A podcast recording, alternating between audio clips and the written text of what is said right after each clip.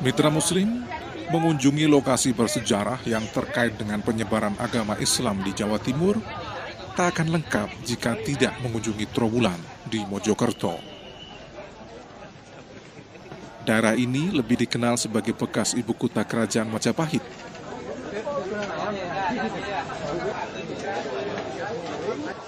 Karena hanya berjarak sekitar 60 km dari Surabaya, untuk menuju ke sana, saya naik sepeda motor.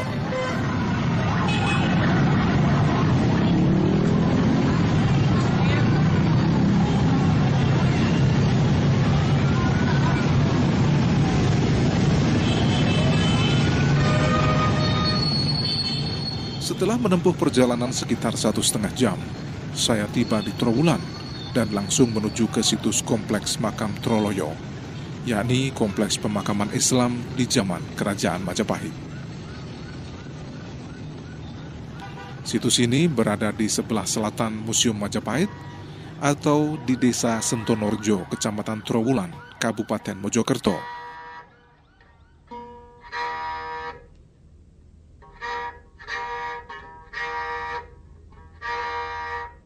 Bagi para peminat sejarah dan arkeologi, makam Troloyo sangat menarik untuk dicermati.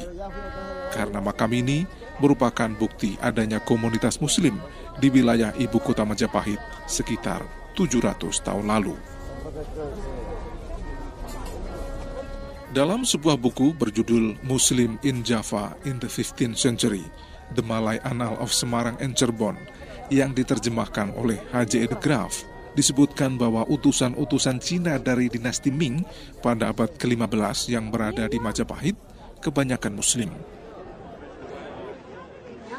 Sebelum sampai di Majapahit, Muslim Cina itu membentuk komunitas masyarakat Muslim di Kukang atau Palembang. Barulah kemudian mereka berpindah, lalu bermukim di tempat lain di Jawa, termasuk di wilayah Kerajaan Majapahit.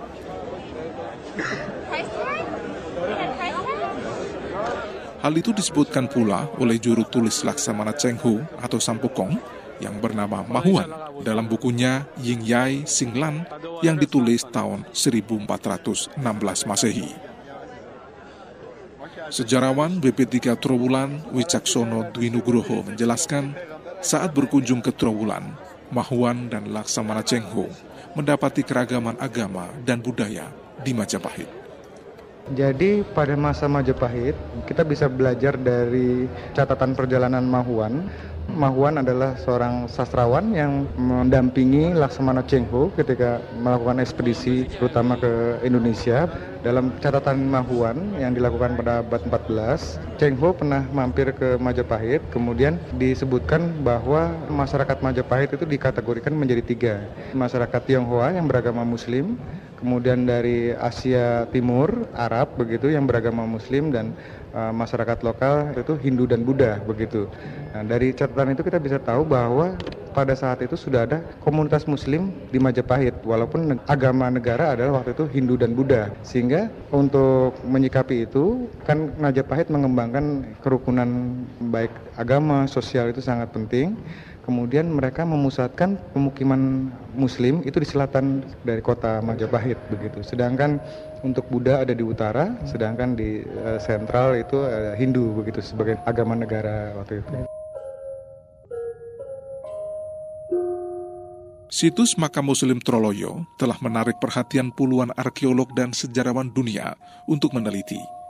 Di antaranya adalah P.G. Fett, Verbeek, Knebel, Kurum, dan L.C. Damais.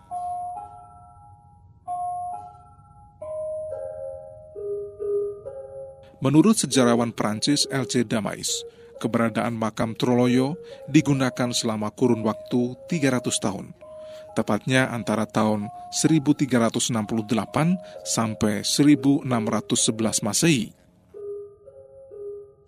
Berdasarkan hasil penelitian yang dilakukan, ditemukan adanya makam tujuh, di mana makam-makam tersebut diduga kuat merupakan makam para petinggi atau keluarga kerajaan Majapahit yang telah memeluk agama Islam. Terbukti, di tujuh makam tersebut terdapat lambang kerajaan yakni Surya Majapahit. Untuk di Troloyo sebenarnya pusat dari pemakaman itu ada di makam tujuh yang ada di belakang Troloyo itu yang semuanya memiliki lambang Surya Majapahit yang berjejer sangat rapih dan itu merupakan uh, makam dari keluarga kerajaan Majapahit yang telah memeluk Islam. Sedangkan di bagian depan merupakan masyarakat biasa. Karena Islam sudah cukup berkembang di Majapahit walaupun tidak menjadi agama negara, ada beberapa keluarga kerajaan yang sudah memeluk Islam sehingga kemudian penggunaan simbol Majapahit yaitu Surya Majapahit juga ditempatkan pada nisan. Di kompleks makam Troloyo, angka tertua di batu nisan yang tertulis adalah tahun 1369 atau saat Hayam Wuruk masih memerintah. Yang menarik, meski makam Islam, tapi bentuk batu nisan di pemakaman itu ujungnya seperti kurung kurawal yang mengingatkan kita pada kala Makara. Artinya di abad ke-14, agama Islam yang merupakan agama baru bagi Majapahit telah diterima masyarakat dan berpadu dengan budaya Hindu dan Buddha yang menjadi agama mayoritas waktu itu. Namun pemerhati sejarah Islam Muhammad Zainal Fahris mengatakan keberadaan masyarakat muslim di zaman Majapahit belum bisa dibuktikan kebenarannya. Karena kabar yang ada saat ini hanya didasarkan pada telaah dan artefak saja.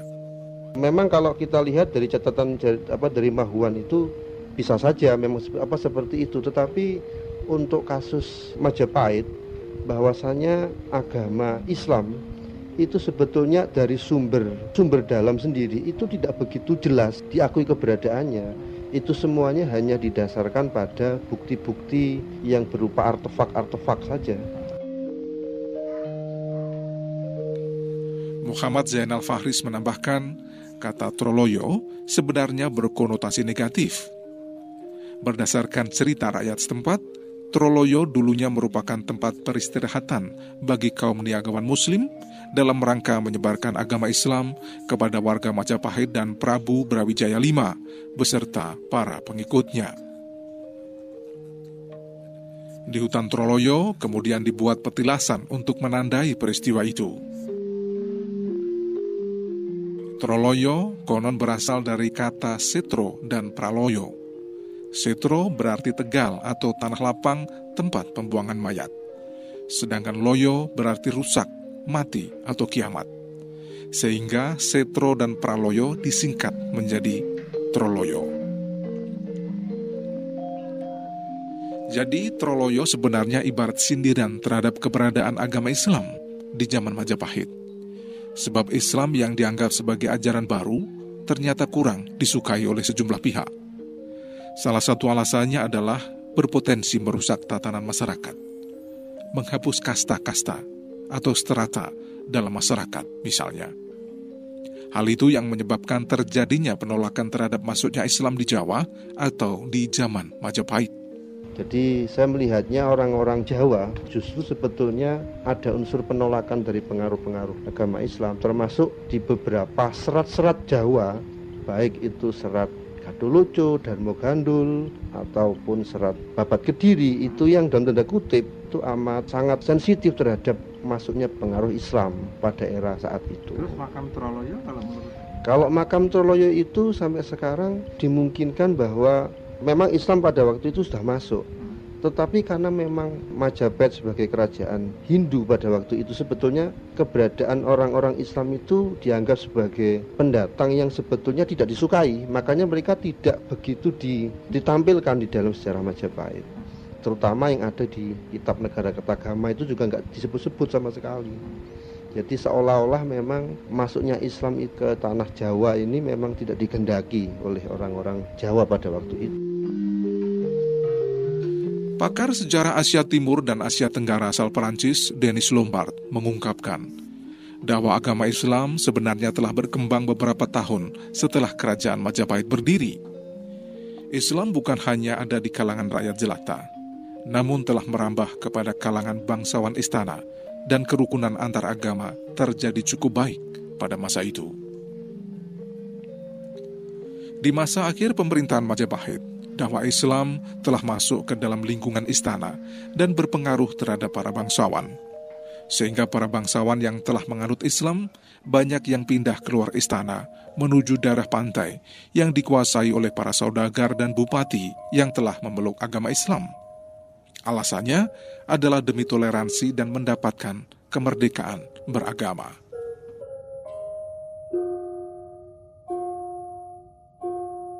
Dengan semakin berkurangnya sejumlah bangsawan di lingkungan kerajaan dan diiringi dengan semakin banyaknya rakyat Majapahit yang beragama Islam, maka kerajaan menjadi semakin lemah. Namun pada dasarnya Majapahit saat itu memang telah lemah secara politis akibat Perang Paregrek yang berlangsung cukup lama, yakni lima tahun, dan menghabiskan banyak sumber daya.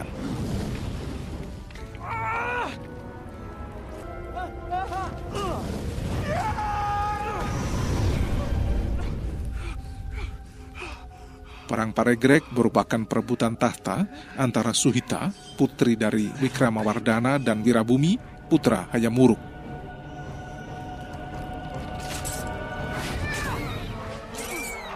Pada saat kerajaan Majapahit mengalami masa surut, praktis wilayah kekuasaannya mulai memisahkan diri, dan wilayah-wilayah yang terbagi menjadi kadipaten-kadipaten saling serang satu sama lain serta berebut kekuasaan dan mengklaim sebagai pewaris tahta Majapahit yang sah. Sehingga keruntuhan Majapahit pada masa itu tinggal menunggu waktu, sebab sistem dan pondasi kerajaan telah keropos dari dalam.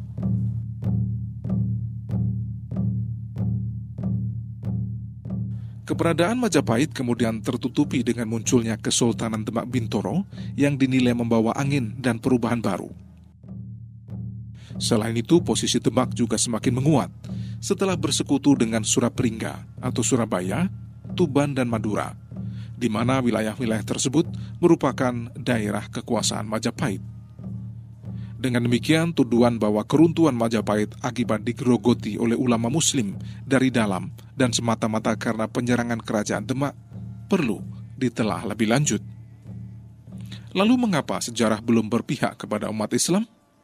Pakar Sejarah Islam Universitas Pajajaran, Engkos Kosasi, menjelaskan. Deislamisasi dalam artian historisitas ya umat Islam itu saya ingat dengan kata-kata Buya Hamka bahwa ada yang disebut dengan Islamophobia atau mungkin fobia Islam ya istilah yang paling tepat. Orang kadang alergi dengan yang berbau Islam. Maka marginalisasi peran umat Islam itu ya menjadi satu tema sentral dulu orang-orang yang nggak senang dengan Islam muncul sebagai kekuatan yang nyata. Berangkat dari fobia terhadap Islam inilah yang melahirkan marginalisasi, pengkaburan, deviasi fakta-fakta historis.